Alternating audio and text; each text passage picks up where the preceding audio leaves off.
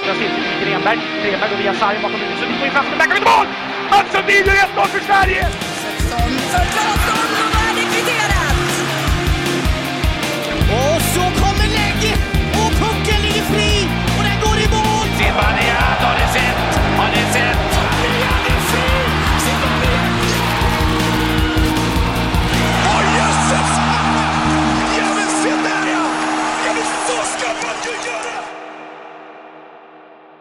Eh, och efter en eh, hejdundrande avsnitt 100 förra veckan så är vi nu över det magiska strecket när avsnitt 101 rullar igång av podcasten Sarg ut.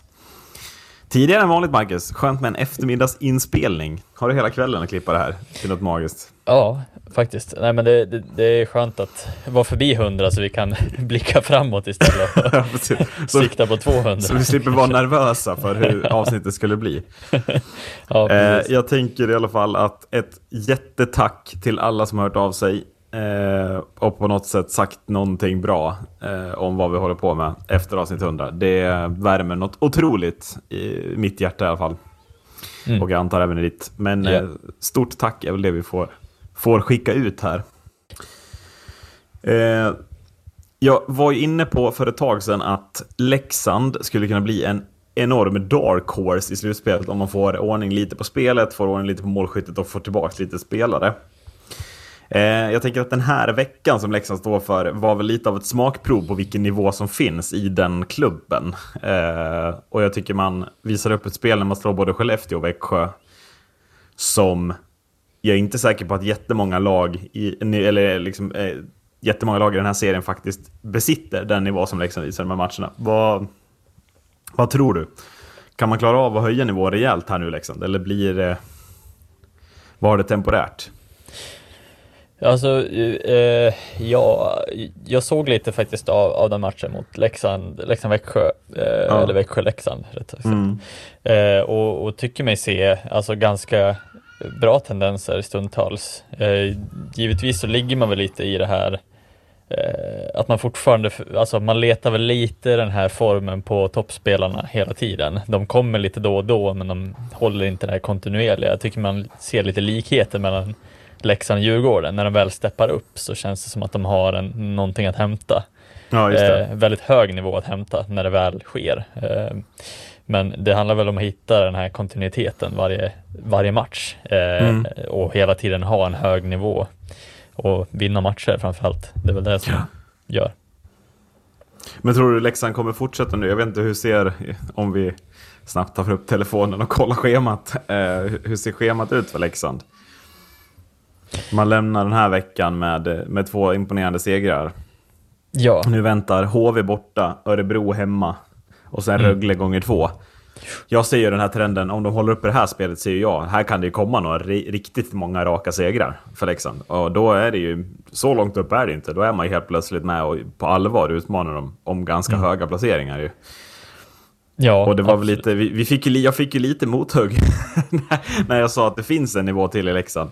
Jag vet inte om det här bevisar på något sätt att jag har rätt, men jag säger att det jag såg av Leksand den här veckan, ja, det är inte jättemånga lag jag har sett hålla den nivån över två matcher. Eh, jag tycker att man spelar riktigt bra. Sen så kan folk säga att Skellefteå och Växjö är nere i lite svackor, men det är fortfarande ettan och tvåan i tabellen som man faktiskt Ja, man tar ju nästan sex poäng. Vad är det? 19.58 när Kossela kvitterar för Växjö. Liksom. Och det gör man väl också med, eh, rätta mig om jag har fel, men det gör man väl också med ett antal skador. Man har väl borta Rivik och Roma om jag eh, inte är helt ute och cyklar. Ja, ja, ja, absolut. Och, och jag vet inte, alltså nu är väl han tokbänkad, John Quenville. Men det är ju en spelare som man absolut hade tänkt skulle spela, antar jag, som inte heller finns med. Utan det är ju, alltså, jag menar, Kalle Östman. Det börjar väl närma sig årets femma på honom. Nej, men alltså, man måste ju ta ut något slags... Årets femma kanske han inte kommer med men om man ska ta ut något slags sånt lag med spelare som totalt har överpresterat sett till vad man, så måste ju Östman vara den man plockar ut först. Han är ju helt fantastisk under förtroende och, och det som vi satt och kritiserade när Östman lämnade Västerås för Leksand i försäsongen, ja, det var ju bara att Kalle Östman kände att han, han har ju nivån i sig och det har han ju visat den här säsongen verkligen. Jag tycker att han är ett av, ja det är väl säsongens största utropstecken. Jag kan inte hitta något större faktiskt nästan. Nej, men framförallt är det väl den där aspekten också att han kommer ju på något sätt he mer hem kanske Mm. i, i, i hela eh, närmare boende, närmare liksom hela den här biten i Dalarna och så vidare. Eh, kanske känner sig mer hemma i, i den miljön och nu Mm. när det också blir mera istid, mera, eh, mera möjlighet för honom att vara den spelaren som han vill vara i, i SHL, inte Ja. i ett Malmö där han inte riktigt fick, fick chansen känns som. Nej, Trots att de var dåliga så, så känns det som att han, han får leva ut lite mer av vad han kan göra och ja, det är väldigt imponerande. Och sen, och sen den otroliga fördelen för Östman blir också att när han då kommer till Leksand den här säsongen, han har inte gjort någonting i Malmö, blivit värvad till Hockeyallsvenskan och där lämnar. Han kommer ju utan krav. Alltså han kommer väl med kravet på sig att gå in och spela 0-0, Kalle. Gör du fem mål på säsongen så är vi nöjda liksom. Så att han har ju inga krav på sig heller. Ingen kan kritisera Kalle Östman om det skulle bli noll produktion här. Så att han har ju, han har ju liksom, han kan ju spela helt krav, eller liksom utan press på sina axlar, förutom att, ja, släppa inte in mål liksom. Men det är ju också väldigt viktigt för spelare ibland att känna att de inte har en psyk- alltså pressen på sig att det tar på psyket utan att de bara kan liksom njuta av att spela hockey. Ja, och framförallt ska man väl också berömma sportchefsjobbet där. Alltså, menar, också se det att säga nej, Kalle Östman har en högre nivå än sådär. Eh, att plocka, att Tjomme plockar honom inför säsongen också och ser att han har en möjlighet att ta, ta en position i Leksands ganska höga konkurrens ändå. Eh, Ja, jo, jo men absolut. Så att, ja, nej, det är imponerande. Sen ska vi väl också nämna eh, våran favorit Oskar Lang som i år har börjat göra poäng också. Jo, men alltså verkligen. Eh, Lang har ju, han har ju steppat upp och varit bra och liksom gjort, producerat i betydligt fler matcher. Annars har han ju haft en tendens att försvinna i matcher då och då. Framförallt ibland under alldeles för långa perioder ju. Men de här perioderna har han ju kortat ner betydligt i år. Mm. Och jag menar 9, 9 plus 17 i ett Leksand där han väl stundtals hållit till i tredje kedjan till och med. Det är ju starka papper. Och det är Mm. ju... Bredd finns ju i Leksand. Eh, som presterar. Och jag menar om Hellkvist då får ordning på spetsspelarna, vilket han har ett väldigt bra track record av att få ordning på genom sina år, oavsett vilket lag han har, har hållit i liksom. Så ja, jag, jag står fast vid att Leksand kan, kan verkligen vara en rejäl dark horse när det här slutspelet börjar. Alltså. Eh, Sen om det räcker hela vägen, det vet jag inte. Men, men den där semifinalen tror jag inte är, är, lik- den är inte längre bort i år än vad den var varit tidigare år, trots att placeringen har varit bättre då, eh, skulle jag säga. Från SHL, inte till Hockeyallsvenskan, utan till Hockeyettan, där vi nästa år kommer att få se brödernas Hockey HC IK eller något tampas om placeringarna i Hockeyallsvenskan. Ehm, ska vi dra hela, hela konkarongen här eller? För de som inte har hängt med. Vad är det som har hänt? Har vi... Ja, jag vet inte. Det, det Nej. vet, visste väl inte hela hockeysverige. Nej, så här, eh, jag, jag hade jättegärna velat klippt in Adde här för en form av reaction, i, Ja. live reaction på, han är ju någonstans, kommer, nu kommer jag inte exakt ihåg, men han är väl uppväxt i Väsby från början? Upplands Väsby, ja. Upplands ja. Väsby. Han kommer därifrån från början och det här Mm. tog väl väldigt hårt på honom, eh, vad vi förstod eh, i våran lilla chatt där. Ja, på många sätt väl. Ja. Att, eh, Eh, men vi kan väl ta Eh, det från början. vi tar det från början. Eh, Det som händer är alltså att Väsby Hockey kallar till ett extrainsatt styrelsemöte en typ tisdag klockan 16.00. Det är alltså ingen som har slutat jobbet, antar jag, vid 16. Det är inte jättemånga i alla fall. Nej. Så att man har, förutsätter väl att medlemmarna ska ta sig ut till Upplands Väsby, eller var hallen nu ligger, eh, mitt i rusningstrafiken i Stockholm en vardag klockan 16 när man troligtvis har massor med andra grejer. På agendan finns då punkten Nytt samarbete, hur det påverkar klubben, ish, heter väl punkten. Och på den här punkten så ska man då rösta igenom att Brödernas, som är vadå? En hamburgerkedja som Ja. ägs av några hockeygubbar, som ägs av Mika Zibanejad och vänner, som ägs av Det är nog ett gäng, Ja. eh, skulle jag säga. Zibanejad är väl den profilerade ägaren i alla fall. Eh, att de då helt enkelt ska ingå ett samarbete med Väsby och att laget ska döpas om till Brödernas Hockey HCIK. Brödernas Väsby Hockey HCIK, jag har ingen aning. Vad blev namnet? Br- Brödernas Väsby Ja, HK, HC, Ja. eller HC, HK. Någon av den ordningen är det. Rätta oss Ehm. gärna. och eh, inte bara inte bara ska man byta namn, utan man ska också byta logotyp. Och den nya logotypen är väl basically brödernas företagslogotyp som är det nya klubbmärket. Liksom. Mm. Eh, och man kommer att spela i division 1 under det här namnet. Då. Man tar Väsbys plats där. Eh, och på det här mötet så röstas det här enhälligt igenom av ish ungefär 30 av medlemmarna som orkar ta sig dit. Då. Som väl enligt utsagor från Sanne Lindström i Expressen fick se en flashig powerpoint med lite coola videos på Mika Zibanejad. Och sen röstade jag. Jag vet inte om det var hela sanningen, men det känns väl inte orimligt att någon har presenterat det här som jätte, jätte, jättebra. Eh, och sen, ja. Eh, så har de röstat ja. Det är väl det som har hänt. Mm. Eh, det som sker sen, eh, eller det som jag reagerar på, är, eller när jag egentligen börjar intressera mig mycket för frågan. Jag tänker att det här är ju skit liksom, eh, ur många aspekter och att, ja ja, det, det här kommer skjutas ner. Det som sen reagerar på, det är podcasten Rinkside med Lars Lindberg, Fredrik Söderström och Dagen Eriksson, som är ju Simors hockeygäng. Fina hockeyallsvenska sändningarna gör de ju. Eh, som i sin podd Ringside, lyssna på det senaste avsnittet, jag vet inte vilket nummer det är, det tänker jag heller inte ta reda på. Eh, där de egentligen inte problematiserar det här överhuvudtaget. Utan tänker att, ja, det här händer, sånt här händer, de går in i klubben liksom och det är lugnt. Eh, och då blir jag lite orolig, känner jag. För jag känner att det finns väldigt stor problematik med den här typen av grej. Eh, och innan jag, innan jag börjar ta de punkterna som du ska få reagera på Marcus, så tänker jag att du, du kan få säga någonting så jag hinner andas lite efter den här sammanfattningen. Ja, otrolig sammanfattning ändå. Jag tyckte att du gjorde det eh, väldigt bra. Mm. På Eh, uppstuds ska sägas. ja, alltså, är jag, det är ändå topp fem programledare i Hockeysverige Ja. vi pratar. Eh, men mm, Ja, nej, men alltså det, jag tycker att det blir ju, det finns många problemsaker med just den här biten.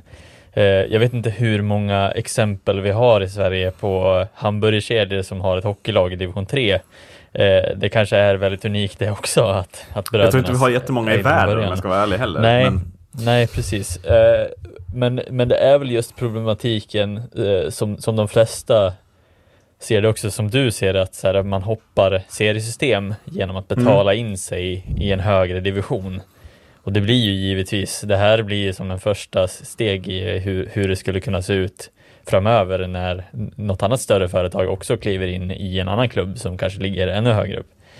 Eh, nu har man ju uttalat, man har sagt att man följer 51 procents eh, regeln som vi har. Eh, var, var nu sanningsgraden i det ligger, det vet jag inte. Jag har inte jättebra koll heller på hur den eh, fungerar Nej. så. Men, Nej, jag- ska också säga att jag är lite för dåligt inläst. Men det handlar ju om att medlemmarna alltid ska ha, liksom, ja vad säger man, den stora. Det, det, ska inte kunna vara någon majoritetsägare som bestämmer över en klubb, utan klubbens medlemmar ska alltid bestämma. Och det är ju någonstans det som har hänt. Men problemet är ju att ett medlemsmöte klockan fyra, helt random en tisdag, dit 30 kommer och blir, alltså det är ju ett, det är ett pitchmöte. Alltså det är ju som jag förstår det, man säljer in det här genom flashig powerpoint, genom, och, och, och jag vet inte, jag vet inte, det kanske inte var helt rätt medlemmar som var där. Det kanske var några som är, de är medlemmar i Väsby Hockey men, men tänker inte så mycket på liksom signalvärde och annat eh, liknande. Jag vet inte. Mm. Men att det är väl där man börjar ifrågasätta hur mycket 51%-regel är det här? Visst, det är medlemmarna som har röstat, men var de helt oberoende när de röstade? Ja, det vet jag fan om det har varit ett pitchmöte på medlemsmötet när de har kommit dit. Eller hur känner du? Ja, nej, absolut. Och det känns ju lite som att man, man har, det, det är några, alltså, de har snackat och kommit fram till att det här är en lösning som är jävligt bra för Väsbys framtid, för Stockholm Hockeys framtid. Det är väl där någonstans man har sett värdet i det. Och har varit tvungen att hitta en lösning som är väldigt kreativ för att helt ärligt, Väsby har väl inte den typen av ekonomi för att, eller ens kunna pitcha in någon form av sån ekonomi på något sätt annars Nej, eh, nej. än så här. Och givetvis kreativ lösning, absolut. Men är det en moraliskt rätt lösning? Det, det låter jag vara osagt. Jag eh, vet Nej, inte och, och riktigt. jag kan också känna lite, och, jag tycker att det är jättebra. Alltså jag, jag, vill, jag, vill också, jag vill också ha det, jag tycker vi ska ha det så här, men jag tycker det är jättebra att företag vill satsa på division 1-klubbar i Sverige. För att ge dem bättre möjligheter, ge dem en möjlighet att satsa på att gå upp i först och främst Hockeyallsvenskan, men också ha en längre vision att nå högsta serien.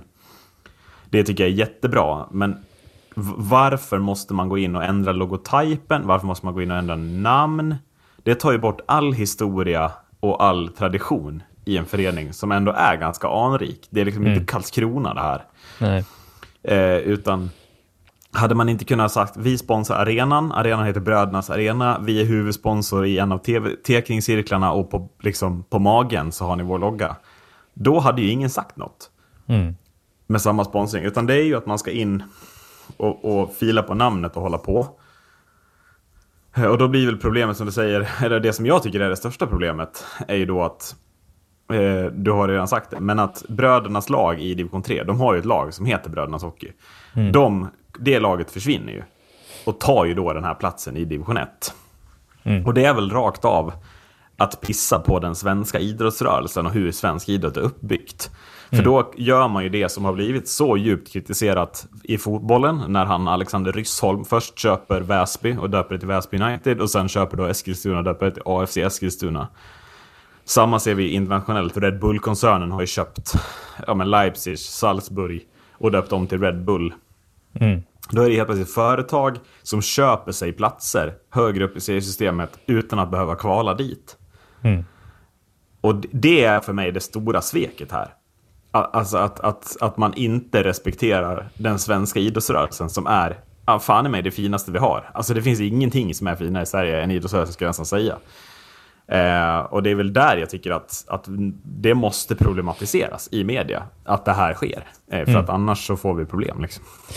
Ja, givetvis blir ju, alltså, det blir den, eh, historien förstörs ju lite av att eh, gå in och pilla i namnet givetvis och hela Mm. logotypen och hela den liksom, hela den eh, grejen också. Sen finns det ju en styrka i det här som jag förmodar, förmodar att de har sålt in det på det sättet som de har gjort för att få den här typen av deal eller vad man nu, alltså att eh, de har väl också fått någonting positivt ut av det här, både Brödernas och Väsby som hockeylag och som förening och som företag rent, ut sagt. Att de förmodligen skapat en hype där all, hela Hockeysverige har pratat om dem i eh, en tid nu. Sen vet Jo, jag inte vad det. vad det har gjort. De, de kan också vara sådana som så här, har gjort den här, skapat den här hypen och sen när det kommer till kritan så backar de precis eh, med namn och med logotyp och så vidare. Att det kan vara att det här var dealen. Kan vi få en, en, liksom, en push upp för att det, alltså det är det enda jag kan tänka mig är liksom det som skulle kunna ändra, förändra vad, vad första tanken är för någonting. Eh, Men ja, nej, om det blir att de byter namn helt och hållet, då tycker jag det, det blir lite smaklöst. I... Och ingenting pekar på något annat i nuläget. Nej, jag nej säga. absolut Nej. inte. Det, det är ju det som är lite synd. Att, Mm. eh, och det öppnar ju upp för att andra också kommer att göra liknande saker eller att man merchar ihop två olika föreningar för att nå högre seriesystem tillsammans. Sådana grejer. Ja, ja nej, det, det är väl det går väl lite emot hela det sportsliga kan man väl säga. I, Ja, i, och, och om man då går vidare, liksom, en annan punkt, det går ju också emot hela liksom, traditionen av föreningsidrott i Sverige. Jag, jag Mm. fattar också att alla SHL-lag och alla hockeyallsvenska lag är ju aktiebolag. Det är Mm. företag, det fattar jag också. Men från början så är det föreningar. Mm. Och om ett företag helt tar över en förening så är det ju... Det blir ju också lite liksom att... Jag tycker det är problematiskt att då tar man ju bort föreningsbiten i hela... Liksom... Och, och då, då är det plötsligt företag som tävlar. Eller liksom så. Ja, men då handlar det om vem, vem, vilket företag som ska ta över. Då är det snart Siljan Skark, Mora IK, Peter Forsberg AB, Modo och... Alltså är det så vi vill ha det? Eller är det, måste, vi sätta, måste vi inte sätta ner foten direkt och säga att nej, det här, så här kan vi inte ha det. Alltså så här får man inte göra, punkt liksom. Eh, Bara för att bevara med liksom hull och hår traditionen av föreningsidrott, traditionen av den svenska idrottsmodellen. Som, som har ju hållit sig så stark genom århundraden, börjar vi väl närma oss. Liksom. För det är väl någonstans där man blir lite orolig för att jag alla supportrar som brinner för klubben och som har eh, investerat sina pengar in i klubben under lång, lång tid, att man riskerar att förlora sådana typer av ekonomikällor också till klubbarna om man ska börja liksom bolla med deras känslor till, till klubben som de hade från Ja. första början. Nu vet jag inte hur Väsby kanske inte har den typen av grund, men om vi ponerar att det skulle vara en klubb som har liksom väldigt mycket supportrar från början. Att det här Mm. var en sån, en sån här Jokerit-grej. Så här, byta till KHL Mm. eh, system liksom. Att det kan ju riskera att man tappar och så vet jag inte om vi har den marknaden i Sverige till att fylla en hall som inte är rakt av supportrar på det sättet. Nej, Jag men vet exakt. inte riktigt eh, Mm. om vi har den marknaden tyvärr för hockeyn. Eh, Nej, och, och det var sen, det som... sen vet ju inte jag heller, men, men alltså det här med avtalet, jag antar att det också ger pengar till Väsbys ungdomsverksamhet på något sätt. Som Mm. fortfarande kommer att heta Väsby, eller går det ifrån? Ja, Ja. Det är oklart vart pengarna går, om det är en full A-lagssatsning liksom. Ja, precis. Nej, det, är väl, det är väl svårt att säga i nuläget kanske. Det är väl, får väl lite se, låta det landa och se vad det, vad det kommer till i slutändan. Eh, det, kan, det finns ju ingen garanti att de kommer att klättra i systemet ändå, bara för att de tar in massa pengar heller. Men Nej, så är det ju. Och samtidigt, men om de nu gör det så hade det varit mycket roligare om de klättrade under Väsby som förening och Väsby Hockey mm, med huvudsponsor Brödernas. Inte Mm. att Bröderna köper allting, inklusive logotyp och, och Ja. namn. Liksom. nej, precis. Eh, ja, någon mer punkt gällande det här som vi, du tycker vi har missat? Det var väl, eh, för du nämnde Rinkside där också, Mm. och det var väl just att de var väldigt tydliga med att säga att det här, det stämde inte överens det här med, och det vet vi inte vart det kommer ifrån och vi fick väl aldrig svar på det heller. Men Nej, att det stämde inte att de skulle heta Brödernas Väsby i sportsligt sammanhang. Nej precis. Ehm, och jag, har, som sagt, jag, jag vet inte om det stämmer. Det enda är, jag kan läsa från Aftonbladet under nyheten de gjorde om det här. Så står det ju då, från och med säsongen 2023-24 kommer föreningens representationslag, vilket är division 1-laget, att gå under namnet Brödernas Väsby IKHK. Så fick vi bokstäverna rätt också. Eh, och i pressmeddelandet som Väsby själva skickade ut eh, så, så skriver man att detta innebär att klubbens representationslag kommer att marknadsföras som Brödernas Väsby IKHK. Eh, och det står också väldigt syrligt att gladeligen så röstades styrelsens förslag igenom enhälligt på det extrainsatta årsmötet. Det är lite vidrigt skrivet, men, men att eh, det här, att det som Ringside säger, alltså jag säger inte att de har fel, jag säger bara att de säger att de inte kommer att heta Brödernas Väsby IKHK. Så tolkar jag dem, om de menar något annat, så, men så tolkade vi dem. Eh, Och det vet, jag, vet vi inte var det kommer ifrån. Och om någon liksom har sett någonting, skicka gärna till vår Twitter, Silent Podcast. Alltså vart, vart det står att de inte kommer heta Brödernas eh, Väsby IKHK, eh, så. Ja, precis. Nej, men för jag, jag såg, Lars Lindberg sa ju det även i Simor direktsändning också. Så Ja. det, det känns ju som att han borde ha någon form av, av liksom, Information vi ja. sitter på, vilket ju är rimligt eftersom att han Precis. är betydligt mer känd än oss. ja, Men att... någon eh, fakta någonstans ifrån. Nå- någonting som är missat uppenbarligen. Ja. Men, så som jag ser det nu och den faktan jag har så kommer nästa säsong Brödernas Väsby IKHK att finnas i division 1 och som- under det namnet och inget annat. Mm. Med företagsloggan som klubbmärke också. Brendan Shinnimin har varit i farten, Marcus. Ja. Igen. Jajamän, det stämmer. Men den här gången blev han utvisad på isen. Det stämmer. Ja, Och jag vet inte om det är vad har du för första. take på det här? Nej, Ska vi gå på den direkt? Nej, men- det- nej, men det var väl lite det. Det var väl därför vi, det här kom igång i vår gruppchatt. Men jag skrev ut det. Flash, årets första diving har tagits på isen. Och det ska vi väl någonstans hylla? Eller? För det är väl Ja. dit vi vill hela tiden. Absolut. Eh, och det är väl, ja precis, det är, det, jag har ingen fakta överhuvudtaget på om det har tagits någon fler diving. Nej, så, men vi tar vi, den här vi, som tror, den första. vi tror att det här är den första. Ja. Ja, den första som vi vet om. Eh, Och, om det skulle vara fler så är det ju inte 30 till. Det kan vi konstatera. nej, de är framförallt inte fler än vad anmälningen är. nej, det, nej, precis. Det är Det, det är vi helt säkra på. Ja. Precis. Eh, ja, nej men det- och det kom ju liksom, jag tycker det är bra att vi, vi har höjd i att vi faktiskt börjar ta dem på isen i så fall. Mm. Och eh, att det är det som vi också har efterfrågat. Jag menar, hellre att de tas eller släpps på isen helt och hållet. Eh, för det är någonstans därifrån som straffet ska komma och så vidare. Jag menar det, eh, För jag tycker att om domaren har den bedömningen från sin vinkel på isen så ska han alltid gå på sin egen instinkt istället Ja. för att någon annan ska hjälpa honom med den instinkten. Det blir liksom bara plojigt och det blir oseriöst på något vis. Mm. Eh, sen har väl jag lite åsikter givetvis och det är väl också kontroversiellt i, förhållande till vad ni tycker och i förhållande till vad de flesta många nu andra kommer- också tycker. Ja, jag är inte så säker. Jag har sett ganska många som... Jag, jag, men gå dit du ska. Men eh, givetvis är det jättekul att de har tagit divingen på isen. Jag Är det jättekul? tycker... Nej, det är inte jättekul. Nej, förlåt. Det. Förlåt, jag ska inte störa dig. Men-. Ja. Jag tycker också att den här divingen är väl ett- en av de kanske mildare divings jag har sett tagits eh, och straffas för.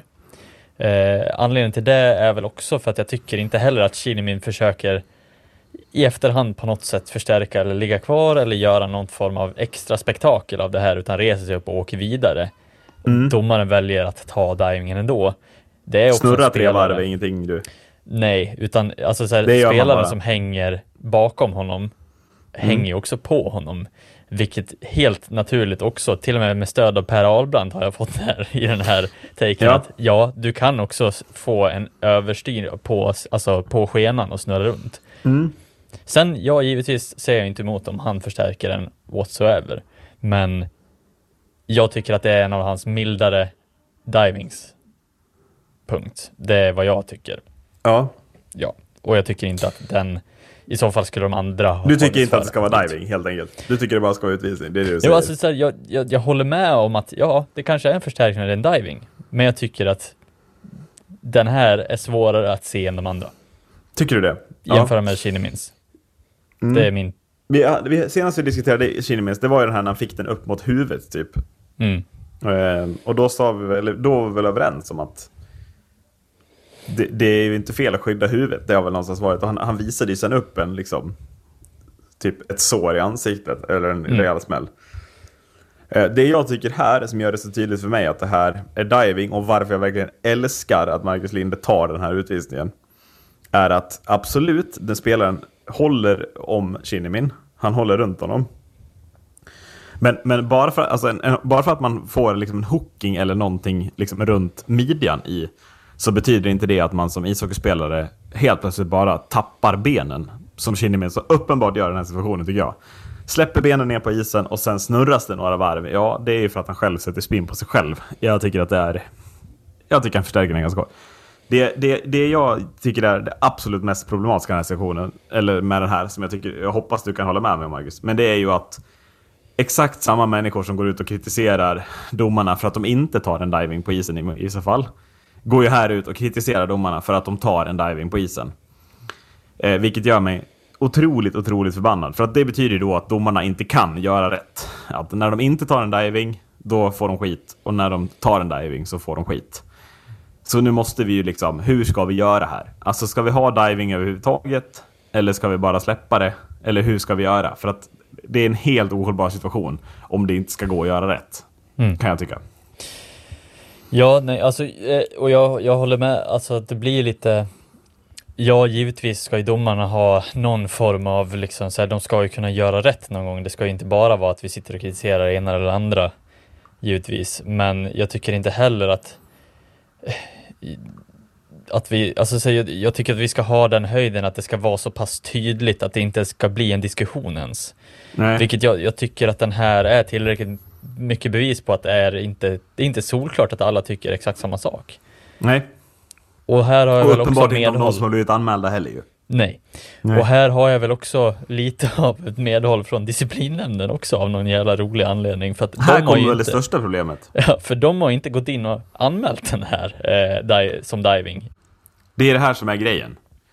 Om diving tas på isen så får man alltså inte en böter på 5000 kronor. Utan om den inte tas, det är då du får böten. Och där är väl det enkla sättet att göra om systemet. Att Mm. om det är bara om diving tas på isen som du kan bli bötfälld. Alltså annars är, för det, här, alltså det här går ju inte ihop. Då, då, jämför man alltså två minuter diving på isen är alltså samma sak som 5000 kronor i böter. Mm. Det, det kan ju inte vara, vara rätt. Det kan det ju bara inte vara. Nej. Alltså det, det, orkar, det or, orkar jag verkligen inte. Utan om en diving är tagen på isen så måste det vara givet att den ska anmälas. Precis som om, om crosschecking i huvudet tas på isen eller om en ful tackling tas på isen. Alltså, här går de ju ifrån sin egna modell. Mm. Och har ju skapat någon jättekonstig modell. Som de ju har gått helt bananas med dessutom den här säsongen och anmält allt. Eh, vi har ju kritiserat det tidigare, men att det, det, här synkar ju så lite att det nästan är sorgligt, gör det inte? Eller? Ja, jag vet inte riktigt vad, vad, vad som är tanken bakom hela alltså bestraffningssystemet så att, att eh, det ska väl vara tydligt när man får en bedömd diving på isen, då ska det ju väl vara böter, då ska det ju kännas på båda plan, liksom att det här har du gjort fel. Ja, men det är det jag menar. Det, det som är... Det som går att bötesfälla, det är ju liksom matchstraff på olika sätt och diving. Då måste vi ju bötfälla det om det tas på isen. Så funkar det på allting, utom tydligen diving. Utan då är det bara om domarna har missat det enligt disciplinnämnden som det tas i efterhand. Ja, nej men för jag menar, ta bara eh, William Borgekry från, eh, och Oskar Engsund senast. Ja, De får ju, alltså så här, de hamnar ju fighting, de slåss, de kommer, att f- de får ett matchstraff, Ja, de blir och sen avstängda får de. Och Ja, sen exakt. får de ju också liksom, ja alltså så här att de blir ju fortfarande bötfällda, Mm. vad jag tror att de har blivit va? ja det Eller blir de de ju. Nej, om det... Ja, de blir bestraffade blir i alla fall. Ja. Ja, men, jo, men men att de blir ju på något sätt bestraffade i efterhand. Vilket eh, känns som att det har varit ett ganska, alltså arbetet kring det har ju alltid stämt överens med att har, har du gjort Ja. någonting som har varit matchstraff, ja men då har de kollat på det i efterhand och gett dig extra matcher. Det finns, en ty- det finns en tydlig procedur för hur man gör det här, en tydlig process. Ja. Någon gör något jättefult på isen som är minst fem minuter. Då, det tittar vi på i efterhand och sen bedömer vi hur illa det var och där har man en straffskala. Men med diving så blir det konstigt. Dels är det inte matchstraff, utan det här är något... Det här, alltså, det här är den enda tvåan man bötfäller. Alltså, man hade lika alltså så, diving är mycket värre tydligen för, än en hakning.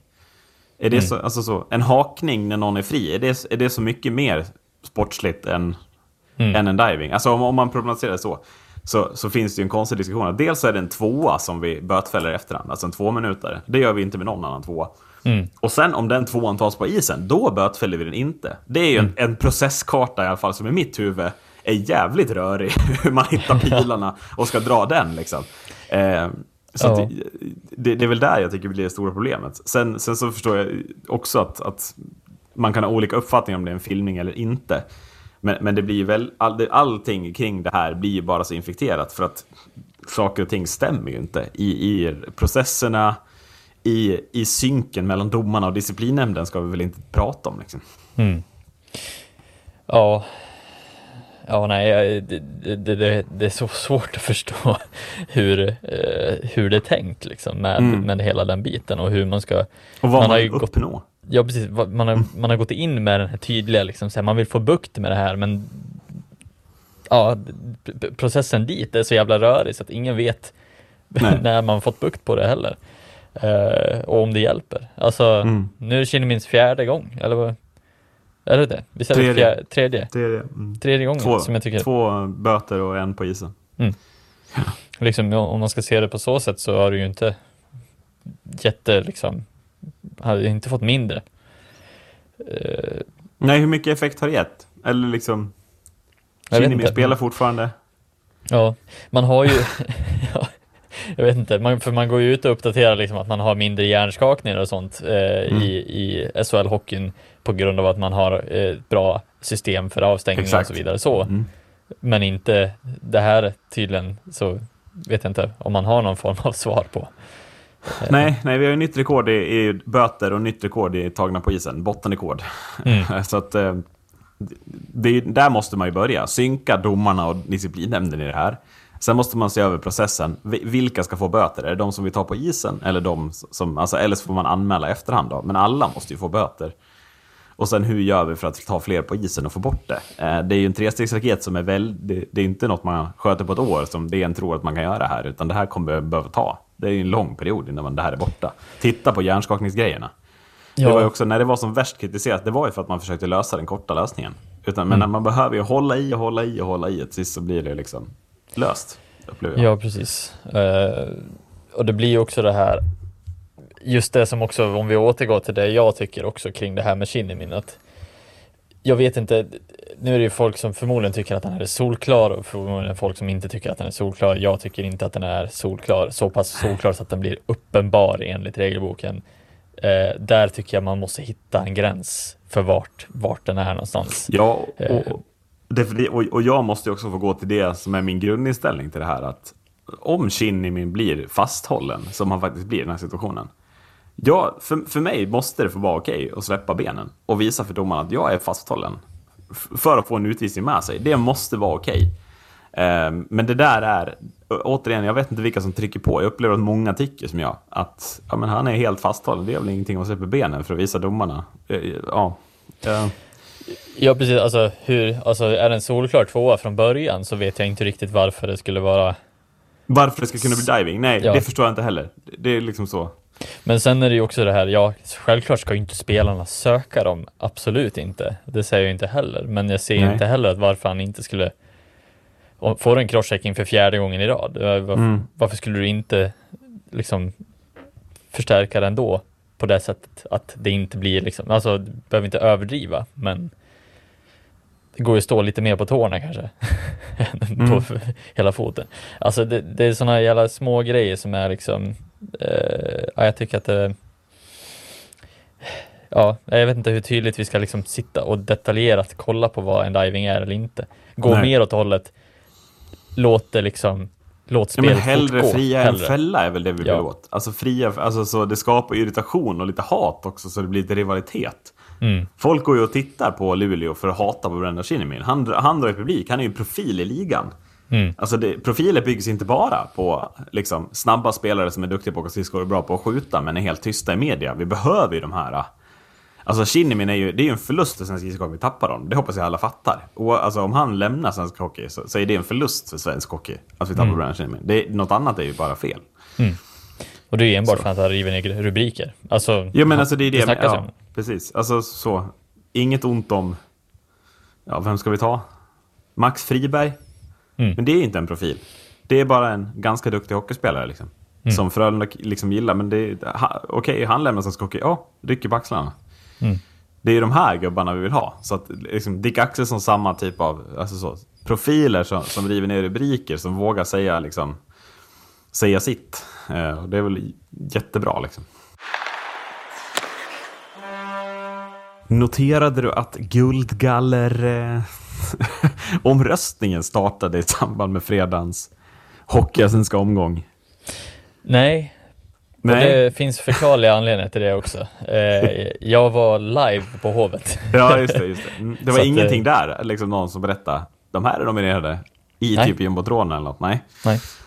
Det känns som att Guldgallret har tappat lite, eh, mm, bara så allmänt också. Men, det, men jag tycker att jag tycker det som är intressant med Guldgallret är att det kändes som att inför säsongen så pratades det om ett sånt jävla race mellan så jävla många spelare som skulle vinna det här priset, eller skulle kunna vinna liksom. Mm. Djurgården hade hela sin trojka, eh, Mora hade någon, AIK hade liksom, Dvorski var intressant, Södertälje hade Jansson, Sjöberg, Ruon liksom. Eh, och sen var det några lån som kom in.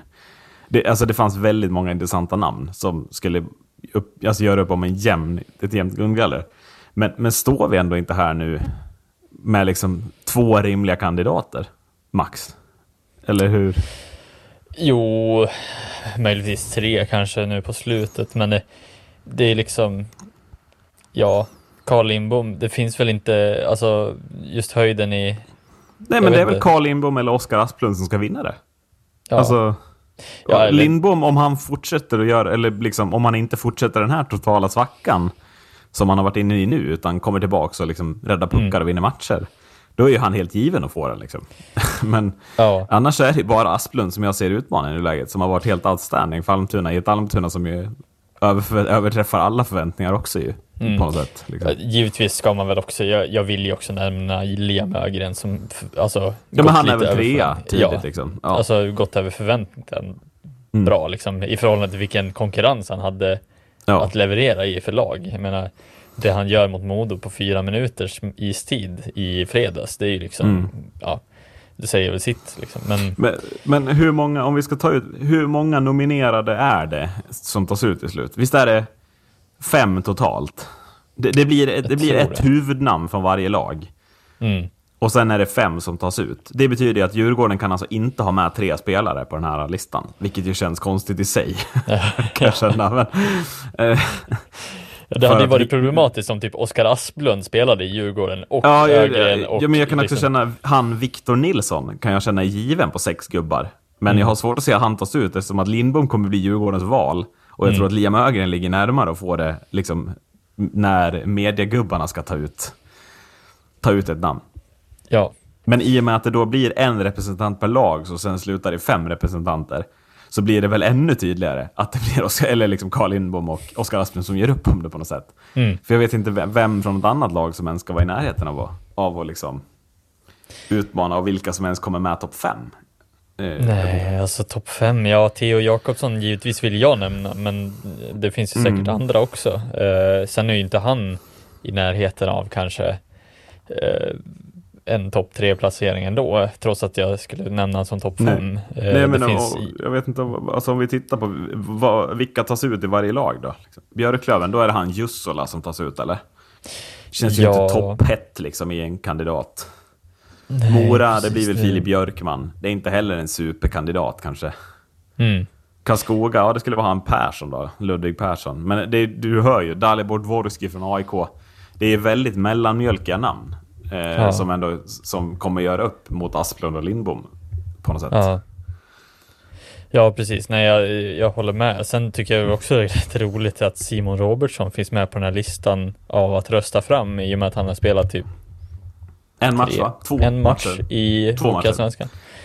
Vilket är en höjd i att man kan också vinna guldgallret om du har spelat ingenting. Mm. Det känns ju lite eh, konstigt. Nu tror jag inte han kommer att bli...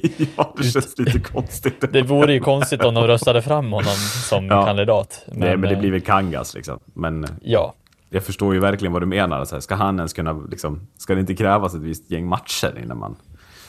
Ja, det måste ju vara en minimumhöjd på 10 matcher åtminstone. Eh, Ja, minst. minst tänker jag. Mm. 10-20, alltså någonstans där.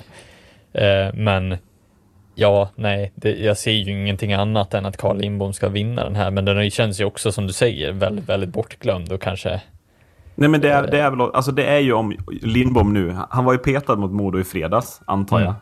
Alltså, om han fortsätter, om Galaida fortsätter göra det bra, Lindbom hamnar på bänken i mycket stora delar av resten av säsongen.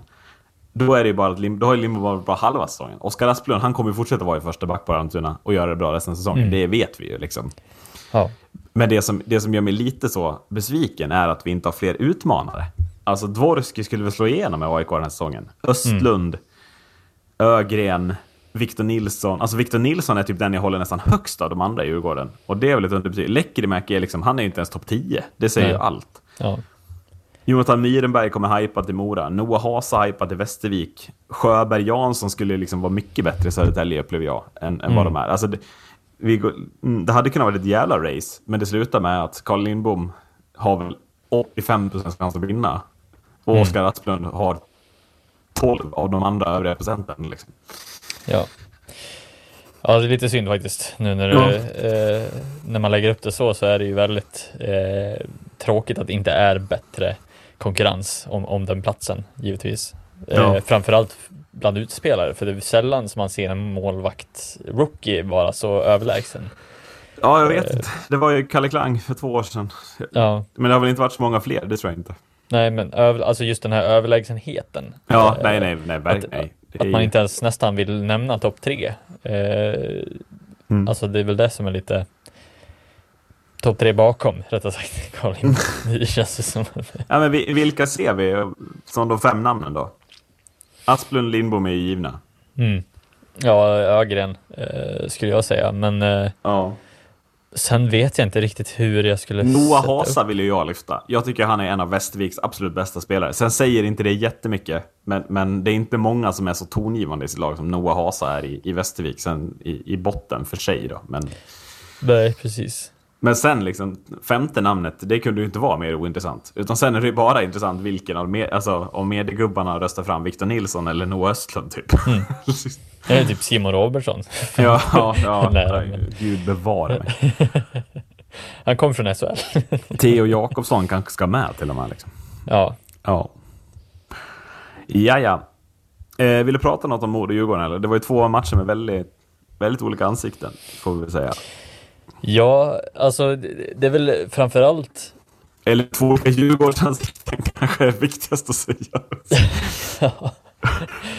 ja, ett Djurgården som spelade defensivt hockey eh, sådär bra i onsdags och ett Djurgården som hade gjort sin hemläxa lite till fredagen sen. Ja, kan man väl eh, sammanfatta det som. Men framförallt eh, tycker jag väl man ser tendenser som fortfarande ligger kvar hos Djurgården men som ser bättre ut nu. Eh, det är ju som såg framförallt- bättre ut i fredags kanske vi ska säga. Ja, fre- Jag fredags. tycker ju att de kommer fan undan med 6-3 i onsdags. Alltså ni har bud. Det hade kunnat varit 8-1 om Gudlevskis hade varit lite hetare och ni hade satt alla chanser. Alltså det, det är på den nivån av kross vi, vi skulle kunna hamnat. Eh, skulle jag vilja säga. Jag, jag tycker du, du är lite försiktig i och med att ni förlorade fredags. Men onsdagens match var väl det var, det var väl ett, ett liksom nedsättande av fot som sällan skådats. Eh, att Djurgården har ju så mycket att jobba på och framförallt defensivt ser det ju katastrof ut stundtals. Men eh, jag, jag tycker det, det som talar för fredagen var ju att vi Alltså jag tycker inte att vi kommer ut och spelar eh, ens i närheten lika bra. Eh, sen givetvis tycker Nej. jag att det är en otroligt bra jämn match hela vägen in. Mm. Eh, vi ger bort 1-0. Eh, det är väl Ja. Bernhardt som tappar den, som aldrig har tappat en puck i hela sitt liv, känns som. Eh, på, eller på Nej. väldigt länge. På egen blå liksom, och det är Ögren som snappar upp den och sätter den. Men, och sen är det väl liksom, ja vi drar på oss onödiga utvisningar, släpper in 2-0. Men det känns som att Djurgården fortfarande är i den här fasen i att de har så otroligt svårt att jobba sig fram till målchanser. Mm. Fem mot fem. Där tycker jag det fortfarande finns problem att hämta och, och, och, och jobba på. Jag vill ju ändå Ja. se eh, mycket, mycket mer av, liksom så här, alltså Marcus Kryger givetvis ser otroligt bra ut nu och börjar se bättre och bättre ut. Men det Ja. finns många att nämna, Linus Klasen är en av dem. Mm. Eh, att det finns mycket kvar innan de är det Djurgården som vi bör vara oroliga för i slutspel. Men är, Eh, är inte det också väldigt mycket beroende på att den här backsidan som vi kritiserade jättehårt inför, som vi sen blev lite backade lite på för vi tyckte den såg bättre och bättre ut. Men det är ju helt enkelt så, den är ju inte tillräckligt bra. Alltså det är så mycket konstiga beslut med puck i egen zon när man ska hitta, alltså så här, Klasen får ju inte puckarna han ska få. Eh, alltså, det är lite det där, Klasen är ju beroende av att få puckarna i rätt lägen. Liksom. Eh, Och det är väl därför en sån som Marcus Kryger här kliver fram och ser jättebra ut. Dels för att han är en fantastisk spelare, för att han är en, en ledare på isen. Men också för att Kryger inser att ja, men jag får ju fan komma ner, jag får ju komma ner till mellan teckningscirklarna och hämta den här pucken. För att de hittar mig ju inte längre fram. Eh, Och det är ju liksom, Klasen är inte så sugen på att komma ner så långt ner i zon. Han vill ju vara där och få den liksom. Precis. Nej men just alltså det, det, det största problemet som Djurgården har nu, nu när de ändå täppte till bättre bakåt och följde efter oss och stängde ut oss väldigt bra, eh, blir ju det att uppspelsfasen, det tar sån otroligt lång tid. Ja, exakt. Ja. Så att vi, alltså vi hinner ställa upp, göra, alltså vi hinner byta innan Precis. de har liksom gjort första passen. Och vi stressade med en, vi har ju liksom en st- uppställning med Ja, ja. stressen som är en person och så två uppe högt för att fånga upp liksom. Som jag ju som jag ju berömde efter att ni slog Mora borta senast. Mm. I något poddavsnitt. Men den Och- är ju otrolig den pressen. Och trots att vi liksom så här, vi slarvar med byten, vi är inte alls på rätt positioner. Vi, jag tycker att vi fortfarande har väldigt långt kvar att, att jobba på eh, fram till slutspelet. Så tycker jag att Djurgården ser otroligt svaga ut i, i just upp, uppspelsfasen. Ja, och framförallt Och där är Alltså liksom- backarna hänger ju inte med. Det går ju för långsamt. Mm. Och då, det förstår jag, det här med att liksom skapa chanser. Ja, det är väldigt svårt att skapa chanser när fem står uppställda och väntar. Man Mm. lär ju såra. Varenda passning ska ju såra så mycket som möjligt. Om en back hittar en passning som slår tre gubbar. Så har man ju helt plötsligt ett övertag och, och liksom möjlighet att skapa chanser. Precis. För hade jag, alltså hade jag varit målis och, och haft den där osäkerheten kring att bara göra det så enkelt som möjligt, skarva vidare, slå den sarg ut, slå den liksom, alltså om du vet att andra laget kommer ställa upp en väldigt defensiv, det är samma som Sö- Södertälje också, det är förmodligen därför Djurgården inte har så svårt mot Södertälje, för det tar så lång tid, Södertälje hinner ju precis, alltså fånga upp dem varenda gång.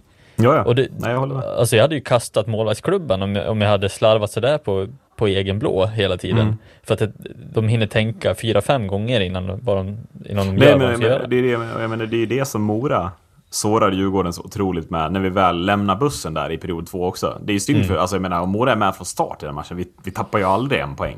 Mm. Utan då sårar vi dem från start. Där, där är det ju vi som inte bjuder upp och det är väl inte Djurgårdens fel. Men det jag såg i matchen i fredags, som jag...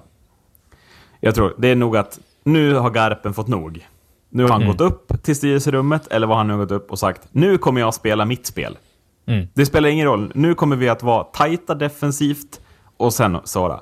Det här var ju det tajtaste Djurgården har sett defensivt ut på hela året. Om man jämför, ser vad det är för motstånd som kommer. Och vad det är. Nu var det ju Garpen OS 2020 eller 2021 eller fan det var. Det, eller 2022. Det var ju det, det spelet som Djurgården visade upp här. Att det ska vara tajt defensivt och sen gör man inte jättemycket mål framåt, men det ska räcka. Och om Garpen får implementera det hela vägen nu fram till slutspelet så blir Djurgården intressanta på ett helt annat sätt än vad vi trodde i det här slutspelet. Att, att det kommer ett Djurgården som spelar tight defensivt och Kryger är ju en spelare som inte hatar den typen av spel. Mm. Ja, nej, absolut inte. Alltså det, det, jag tyckte de gjorde det otroligt bra. Eh, jag tycker inte vi kommer till alls så farliga lägen som, som vi är vana vid att göra eh, mot alla lag i den här serien egentligen, utan det, han gör det med materialet han har också.